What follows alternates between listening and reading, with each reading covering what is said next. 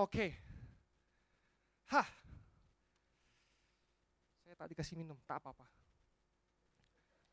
Oke, enggak, enggak bukan nyindir, enggak apa-apa. Kita buka langsung Lukas 15. Hari ini Lukas 15 temanya. Lukas 15 ayat yang ke 11. Kita baca, ah nggak usah kita baca, saya yang bacain. Waktu kita sudah terdesak. Lukas 15 ayat 11. Dan sampai saya selesai. Siap? Dilihat Alkitabnya. Baru dengar cerita kan? Dilihat itu Alkitab, dilihat. Jangan lihat W, eh saya mau bilang WP lagi, WP itu orang timur ngomongnya. Jangan lihat WA, lain lihat itu Alkitab. Itu kakak di belakang berjuang mengalami maut supaya bisa baca Alkitab itu saudara-saudara di kampung. Oke? Dibaca ya. ya. Lukas 15 ayat 11. Baca dalam hati saya yang bacakan. Perumpamaan tentang anak yang hilang. Yesus berkata lagi, ada seorang mempunyai dua anak laki-laki. Kata yang bungsu kepada ayahnya, Bapa berikanlah kepadaku bagian harta milik kita yang menjadi hakku. Lalu ayahnya membagi-bagikan harta kekayaan itu di antara mereka. Beberapa hari kemudian anak bungsu itu menjual seluruh bagiannya itu lalu pergi ke negeri yang jauh. Di sana ia memboroskan harta miliknya itu dengan hidup berfoya-foya. Setelah dihabiskan semuanya, timbullah bencana kelaparan dalam negeri itu. Dan ia pun mulai melarat. Lalu ia pergi dan bekerja pada seorang majikan di negeri itu. Orang itu menyuruhnya ke ladang untuk menjaga babinya. Lalu ia mengisi perutnya dengan ampas yang menjadi makanan babi itu, tetapi tidak seorang pun yang memberikannya kepadanya. Lalu ia menyadari keadaannya, katanya, betapa banyaknya orang upahan Bapakku yang berlimpah-limpah makanannya, tetapi aku di sini mati kelaparan. Ayat 18. Aku akan bangkit dan pergi kepada Bapakku dan berkata kepadanya, Bapa, aku telah berdosa terhadap sorga dan terhadap Bapa. Aku tidak layak lagi disebutkan anak Bapa. Jadikanlah aku sebagai salah seorang upahan Bapa. Ayat 20. Maka bangkitlah ia dan pergi kepada bapaknya. Ketika ia masih jauh, ayahnya telah melihatnya, lalu tergelak, tergeraklah hati oleh tergerak hatinya oleh belas kasihan, ayahnya itu berlari mendapatkan dia, lalu merangkul dan mencium dia. Oke. Hari ini saya ingin share tentang apa yang Tuhan uh, ingin kita kerjakan di tengah-tengah keluarga kita, di tengah-tengah komunitas kita. Apa hati Tuhan tentang keluarga? Apa hati Tuhan tentang komunitas? Apa hati Tuhan tentang uh, bagaimana kita hidup berkeluarga, bagaimana kita hidup di tengah-tengah keluarga. Oke, sangat apa ya, sangat menyesakkan, sangat saya waktu saya lihat apa bom di Surabaya itu, yang kita tahu sama-sama bahwa anggota bom Surabaya itu ada satu keluarga. Yang saya tidak habis pikir adalah bagaimana si bapak ini bisa mengajak anak beserta tiga anaknya apa dua? Empat anaknya. Empat eh? Empat anaknya. Oke benar, empat anaknya. Dua yang remaja anak laki-laki, dua yang anak perempuan bersama ibunya. Saya saya berpikir sebegitu kejamnya namanya sebuah penyesatan sebegitu jahatnya sebuah doktrin yang bisa membuat satu keluarga, seorang bapak ini membelokkan doktrin anak-anaknya, bahkan istrinya bahkan mau ikut untuk melakukan bom bunuh diri di gereja itu. Saya tidak habis pikir betapa murahnya harga sebuah nyawa buat bapak itu. Mungkin bapak itu berpikir uh, sekeluarga saya akan masuk surga saya waktu saya tahu kejadian ini saya sampai bilang Tuhan kenapa ini bisa terjadi? Kenapa bapak ini bisa tega membawa anak beserta istrinya? Oke berikutnya saya saya juga mau cerita sama teman-teman bahwa saya tahu di antara kita semua di sini saya pun gitu. Saya tahu pasti teman-teman semua yang di sini punya pergumulan dengan keluarga masing-masing, ya kan? Bukan cuma saya yang punya pergumulan dalam keluarga. saya percaya bukan hanya sekedar saya yang sudah menikah yang punya pergumulan. Saya juga, saya juga yakin teman-teman pun masing-masing pribadi tempat ruangan ini pasti punya masalah dengan keluarga masing-masing. Ada yang kita gumulkan dengan keluarga kita masing-masing. Apa ada yang kita mungkin khawatirkan, ada yang kita mungkin kita merasa sakit, mungkin kita merasa terluka, mungkin kita merasa uh, tidak diterima, kita merasa tidak di, kita ditolak, mungkin kita tidak dihargai, mungkin kita merasa uh, tidak berharga lagi. Tapi mari kita lihat kejadian Lukas 15 ini. Kalau kita baca, lihat cerita ini, cerita ini menggambarkan bahwa seorang anak yang uh, meminta harta warisan kepada bapaknya, lalu dia menjual harta itu, kemudian dia habiskan, dia foya-foya, lalu dia jatuh miskin, dia jatuh bangkrut, lalu dia ingat bahwa bapak saya kaya, saya mau pulang dan kemudian saya dia berharap bapaknya itu mau menerima dia. Kalau kita teman-teman baca kisah ini, bapak ini waktu anak ini datang kepada bapaknya, saya membayangkan gitu, ya, kalau saya jadi bapaknya, saya jadi bapaknya ya. Waktu dia datang, kalau kita baca kisah ayat yang 20 itu, anak bapak ini berlari menghampiri anak anak ini. Bukan hanya sekedar berlari, tapi dia mencium anak ini. Saya, seandainya jadi bapak itu, saya pasti tidak mungkin lari menghampiri anak itu.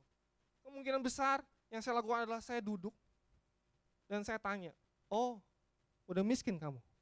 Udah gak punya duit? Oh, udah habis duitnya buat judi? Oh, udah habis duitnya buat main perempuan? Oh, masih ingat sama orang tua? Oh, masih hidup kamu? Oh, kamu masih anggap saya bapak? Kamu datang ke sini? Oh. Tapi bukan itu gambaran yang kita lihat di sini. Kalau kita lihat di sini, bapak ini menerima anak ini apa adanya. Bapak ini menerima anak ini bukan sekedar menerima, bukan sekedar menerima dan mengampuni, tapi dia mencintai anak ini apa adanya, tanpa syarat. Saya mau bagikan dua hal. Apa yang diisi hati Tuhan tentang keluarga? Yang pertama adalah, lewat kisah ini adalah kita belajar bahwa Bapak ini mau menerima anak ini. Yang kedua, Bapak ini mencium dan memeluk anak ini. Di sini kita belajar adalah Bapak ini benar-benar mengasihi anak ini. Saya mau bilang sama teman-teman, kalau kita lihat mungkin teman-teman ada yang pernah ngerasain, ngalamin, punya cerita atau punya sahabat di mana kalau saya lihat belakangan akhir-akhir ini kita suka melihat kejadian-kejadian di mana sepertinya keluarga itu sudah tidak penting. Keluarga itu seperti sudah nomor sekian dalam urutan prioritas hidup seseorang. Orang lebih mengejar yang namanya uh, karir, uh, bisa punya sesuatu yang luar biasa, proyek yang luar biasa, hal-hal yang dianggap luar biasa Sedangkan keluarga itu menjadi nomor sekian, nomor empat, nomor lima, atau nomor sepuluh. Keluarga bukan lagi menjadi hal yang penting dalam kehidupan seseorang. Keluarga bukan menjadi hal yang utama dalam kehidupan seseorang. Padahal, padahal Tuhan jelas berkata, walau keluarga itu teramat, amat penting.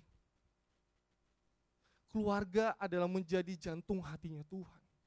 Waktu Tuhan menciptakan bumi ini, Hal yang pernah apa, hal pertama yang dia kerjakan setelah bumi ini ada adalah apa? Keluarga. Dia mulai dari keluarga. Suami dan istri. Itu dia mulai dari sana. Artinya apa? Bahwa keluarga itu teramat penting dalam hati Tuhan. Saya minum sebentar ya.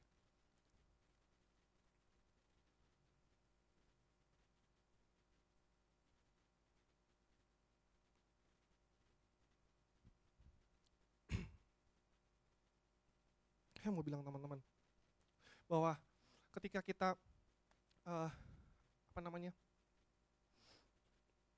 ketika kita ada di tengah-tengah keluarga tengah-tengah problema keluarga yang kita hadapi bersama-sama saya nggak tahu apa yang teman-teman sedang gumulkan sekarang di tengah-tengah keluarga teman-teman semua saya menikah sebelum menikah tentu saya pasti punya uh, pergumulan dengan orang tua saya setelah saya menikah pergumulan saya bertambah sama orang tua saya, sama istri saya, sama mertua saya. Tiga pergumulan saya. Dan saya nggak tahu apa yang teman-teman hadapi. Tapi ini yang saya mau katakan. Tuhan, ini yang Tuhan ingin katakan buat kita semua. Bahwa uh, keluarga itu harus diperjuangkan. Keluarga kita masing-masing harus diperjuangkan. Jangan sampai kita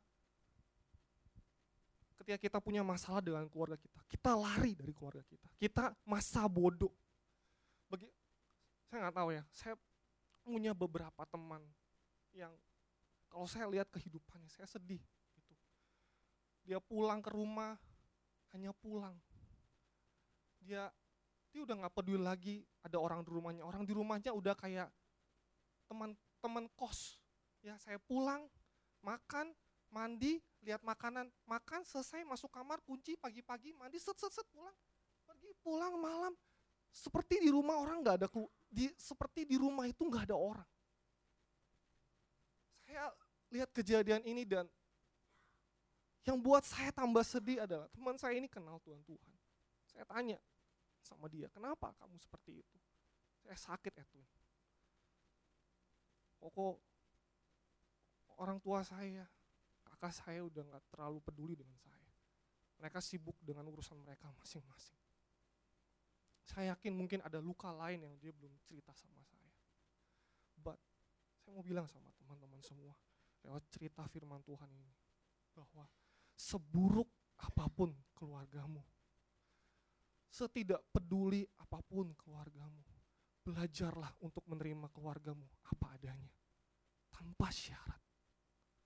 Mungkin teman-teman berkata di sini, saya kan anak. Harusnya dia orang tua yang terima saya. Bukan saya yang terima orang tua saya. Hei, saya mau bilang teman-teman, tidak ada urusan. Mungkin benar dia orang tuamu. Orang yang jauh lebih tua. Tapi mungkin dia belum mengalami pemulihan dalam hidup dia. Mungkin dia belum kenal dengan Tuhan. Mungkin dia belum sadar. Kalau teman-teman hari ini bisa dengar firman Tuhan ini. Kalau hari ini saya waktu saya mempersiapkan firman Tuhan hari ini, kalau Tuhan taruh ini dalam hati saya, begitu simple, tapi Tuhan ingatkan saya tentang bagaimana kita sebagai anak-anak Tuhan, bagaimana kita di NLC ini, anak-anak NLC ini, harus berjuang untuk keluarga. Sekalipun apa apa pun kondisi keluarga kita, seburuk apa pun kakak kita, koko, cici, dede, mama kita, sebroken home, apa pun keadaan rumah kita, kita fight harus buat keluarga. Why? Karena keluarga itu penting bukan lagi penting, teramat penting. Apa alasan kita untuk mengasihi keluarga? Gak ada. Saya mau bilang gini, tangkap maksud saya ya. Kita nggak kita nggak perlu punya alasan untuk mengasihi orang tua kita. Perlu punya alasan? Gak. Why? Karena dia keluarga. Apa bapak ini, bapak ini, bapak anak yang hilang ini perlu alasan supaya dia terima anaknya? Dia nggak perlu alasan. Why? Karena dia anaknya, titik enough. That's the family, itulah keluarga. Makanya saya bilang sama teman-teman, bukan tidak ada urusan kamu mau umur 12, 15, 4, 16, 17, kamu belum bekerja dan lain sebagainya. Saya mau bilang sama teman-teman, ketika kita tahu kebenaran akan hal ini, apa yang Tuhan rindukan kita kita alami dalam Tuhan ingin lihat keluarga kita pulih. Tuhan ingin lihat keluarga kita penuh dengan damai sejahtera. Itu yang harus kita lihat. Itu harus visi yang kita lihat di mata kita ke depan. Firman Tuhan berkata, tanpa visi, maka liarlah rakyat. Saya mau tahu teman, saya mau bilang sama teman-teman. Kalau teman-teman bilang begini, oh, gimana, Ege, gimana saya bisa ngasihin keluarga saya? Gimana saya bisa terima keluarga saya? Saya mau bilang, cerita ini adalah cerita kita. Tuhan sudah terima kita itu apa adanya tanpa syarat. Dia bukan sekedar terima kita, dia mengasihi kita. Ada kan? Mungkin saya nggak tahu kalian pernah ngalamin, tapi saya pernah ngalamin. Orang tanya sama saya, eh, lu udah baik kan lu sama si si A? Udah, gue udah ngampunin dia. Udah, saya udah bisa terima dia kok sebagai ya rekan kerja, teman, sahabat, saya bisa terima dia. Yakin, yakin. Tetapi itu cuman di sini. Orang sering kali bisa bilang gini, saya terima keluarga saya. Saya sudah maafkan papa mama saya. Saya sudah maafkan koko cici saya. Tetapi hanya sebuah perkataan. Firman Tuhan mengajarkan kita, bukan sekedar kita menerima, tapi kita mau merangkul dan mencium. Dalam arti apa? Kita benar-benar sungguh-sungguh mengasihi keluarga kita apa adanya. Bukan sekedar lip service, bukan sekedar ya saya udah maafkan keluarga saya, tapi kita nggak berbuat apa-apa. Itu namanya kita belum mengampuni keluarga kita. Kita belum apa mengasihi keluarga kita.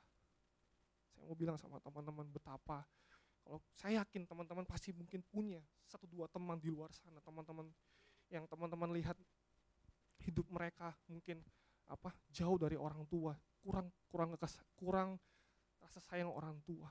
Dan saya mau bilang, hei sama teman-teman semua, ayo buat mulailah dari diri kita sendiri di sini. Kita nggak bisa menuntut orang tua kita berubah. Kita nggak bisa menuntut saudara-saudara kita berubah sebelum kita yang berubah lebih dahulu. Betul nggak? Jangan pernah menuntut orang lain berubah sebelum kita berubah.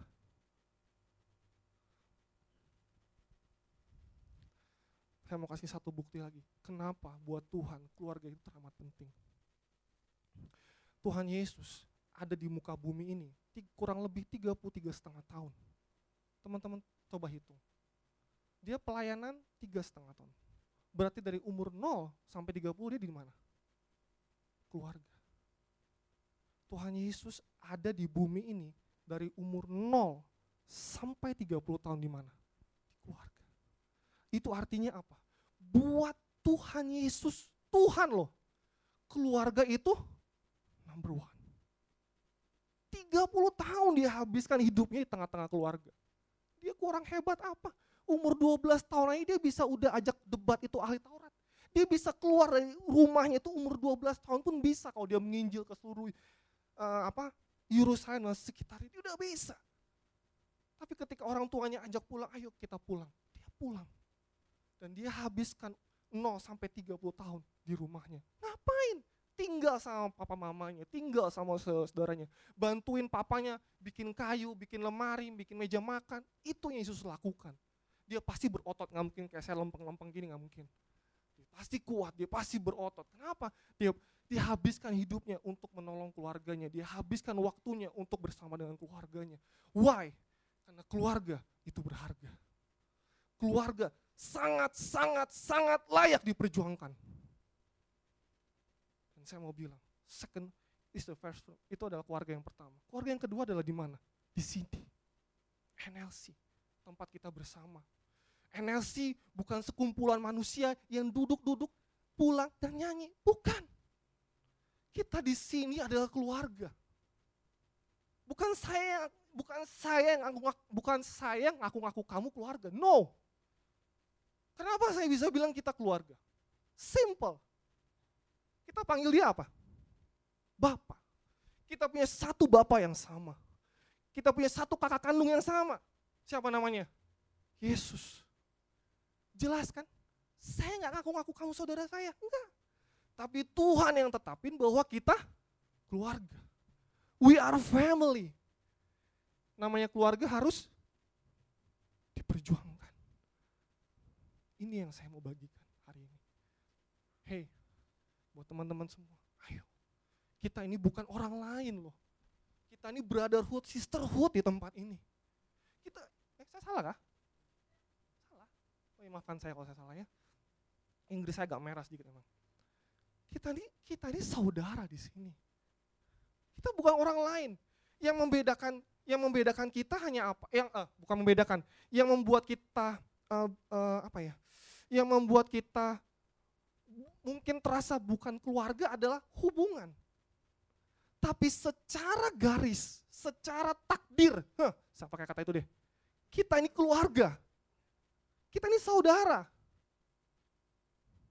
Jadi saya mau bilang gini, namanya saudara, namanya keluarga, itu dijauhkanlah kira-kira namanya dari kesungkanan. Ke apa? nggak mau merepotkan, tidak mau uh, bertegur sapa, sulit untuk pergi bareng, kalau mau pergi mau ngajak sama-sama harus seirama, seirama dalam arti gini, uh, harus uh, satu apa ya, satu kamu mengerti hidup saya, saya mengerti hidup kamu, kita satu inilah, satu kelas, kita sama-sama udah kerja, kau sama yang masih sekolah, ah nggak bisa. No, saya mau bilang gini, eh, ayo rubah. Kita di sini saudara, kita di sini adik dan kakak. Gak ada, gak namanya apa? Adik kakak apa ada batas? Kan gak ada. Bener gak? Kita adik kakak gak ada batas, gak ada, gak ada pemisah di antara kita.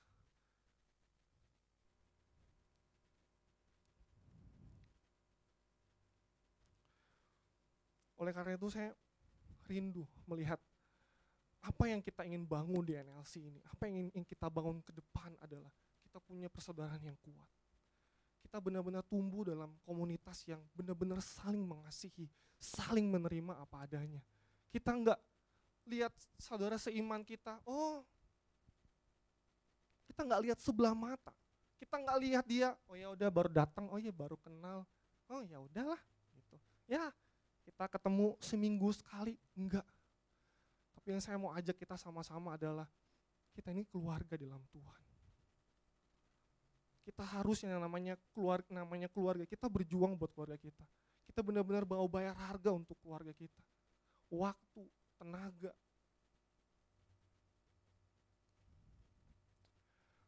Oke. Hal terakhir yang ingin saya bagikan. Kita buka Yohanes 15 ayat 12.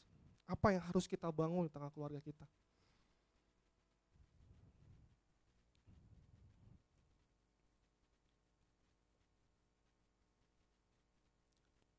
Saya bacakan.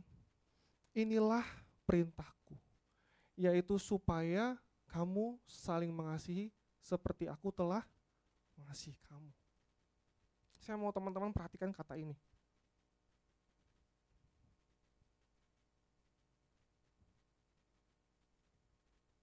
saling. Seberapa banyak kita kehilangan kata saling di tengah-tengah keluarga kita. Saling mengingatkan, saling bertegur sapa, saling membangun, saling memberi, saling uh, bergantung dengan yang lainnya, saling uh, apa? Saling menolong satu dengan yang lainnya, saling menghubungi, saling uh, bertukar cerita, saling bertukar beban, saling. Tuhan ingatkan saya bahwa, hei, bahwa kita semua harus punya kata saling dalam kehidupan keluarga kita masing-masing. Dalam kita membangun, membangun hubungan dengan keluarga di rumah. Ada. Mungkin kita pernah ngalamin di mana orang tanya sama saya gitu, eh adik lu sekarang kerja di mana? Saya mikir bentar, saya adik saya sih auditor sih, cuman kantornya apa namanya ya? Wah itu parah betul, parah.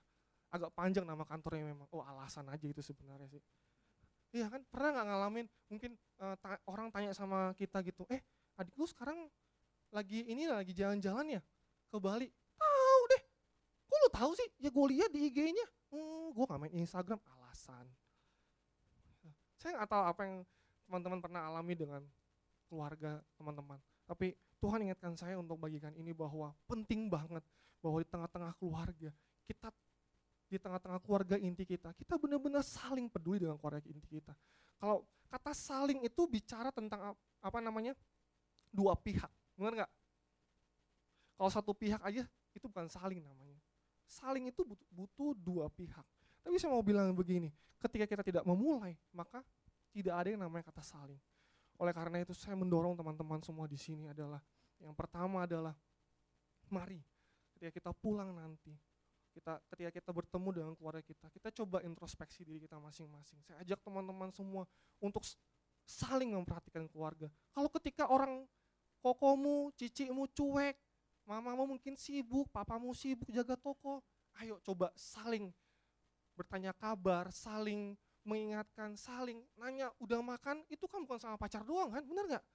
Nanya sama adik, sama mama papa kan itu gampang kan? Mama papa udah makan belum? Ayo coba tanya. Saya mau tanya siapa di sini masih tanya orang tua yang udah makan belum? Ada? Tanya orang tuanya, ma udah makan belum?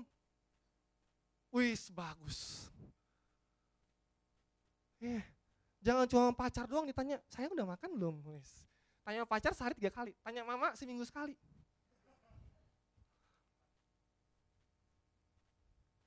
Sungguh benar, saya waktu saya mempersiapkan hal ini Tuhan ingatkan saya benar-benar bahwa hey, your family is very important. Keluargamu itu teramat amat amat penting. Baik, saya selesai. Saya undang tim PW naik ke atas.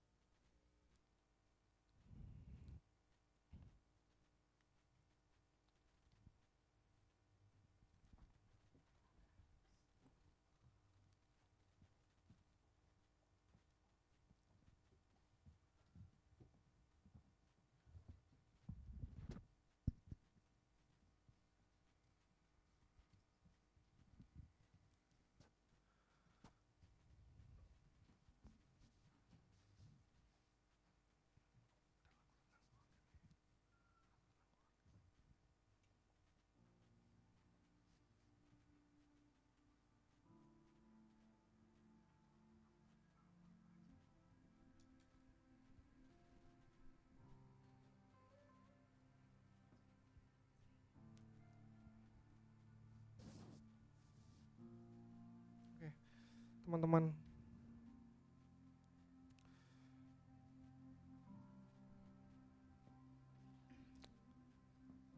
ingatlah bahwa mengasihi keluarga itu nggak perlu alasan. Mengasihi keluarga tidak perlu apa untungnya saya mengasihi adik saya. Apa untungnya saya peduli dengan orang tua saya? Orang tua saya mungkin udah terlalu sibuk dengan pekerjaannya. Kakak saya mungkin terlalu sibuk dengan urusannya dengan pacarnya. Kenapa kok saya harus, kenapa Ege saya harus peduli dengan keluarga saya? Hei, kita semua di sini orang-orang tebusan. Kita semua di sini telah Tuhan kasih apa adanya. Tuhan ingin kita melepaskan kasih yang Tuhan beri di tengah-tengah keluarga kita semua. Tuhan ingin keluarga kita merasakan kasih yang sudah kita rasakan, yang kita sudah terima dari Tuhan. Why? Kenapa kita harus berjuang buat keluarga kita? Kenapa kita harus mengasihi keluarga kita sekuat kita, semampu kita? Why? Karena keluarga, karena itu adalah keluargamu. Keluarga adalah harta yang tidak ternilai yang Tuhan percayakan ke dalam hidup kita masing-masing. Tuhan gak pernah bermain dadu ketika dia menentukan kamu lahir di mana. Kita lahir di keluarga kita seperti ini adalah ada maksud Tuhan yang besar dalam kehidupan kita. Tuhan punya rencana atas keluarga kita. Se, se, seburuk apa pun kondisi keluarga kita, setidak baik apa pun uh, keluarga yang kita rasakan saat ini, saya percaya bahwa Tuhan akan memulihkan keluarga kita. Dimulai dari kita, mengasihi keluarga kita apa adanya. Dimulai dari kita mengasihi keluarga kita tanpa syarat.